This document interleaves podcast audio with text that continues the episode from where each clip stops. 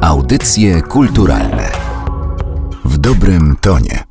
Termin emisja powszechnie kojarzy się z radiem i telewizją w okresie Polski Ludowej z Polskim Radiem i Telewizją Polską, bo oficjalnie nie funkcjonowały inne rozgłośnie i inne stacje telewizyjne.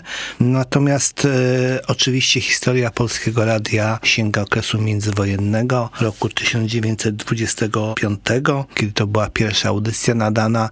Od 26 roku radio nadawało do momentu wybuchu II wojny światowej miało ponad milion abonentów. Natomiast radio nadawało również we wrześniu 1939 roku. Emitowano niezapomniane przemówienia prezydenta Warszawy Stefana Starzyńskiego, a także słynne komunikaty ostrzegające mieszkańców stolicy o nadlatujących e, samolotach.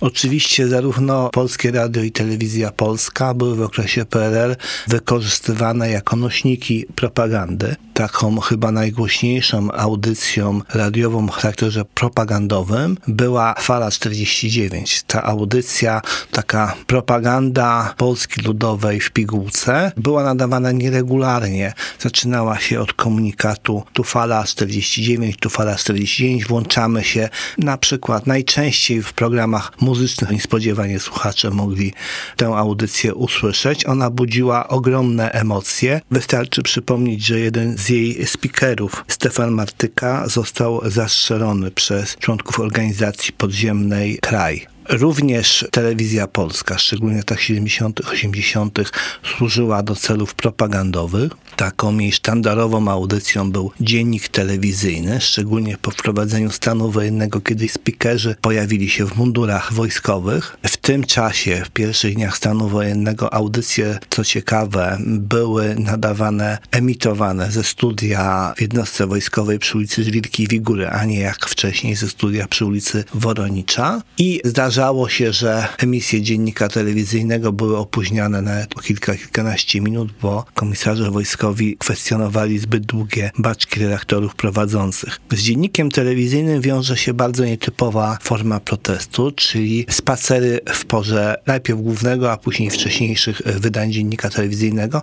To pomysł zastosowany w Świdnicy, a później również w wielu innych polskich miastach. Inną taką audycją emitowaną przez telewizję polską polską charakterze propagandowym były audycje rzecznika prasowego rządu Jerzego Urbana, jednej z najbardziej znienawidzonych osób w latach 80.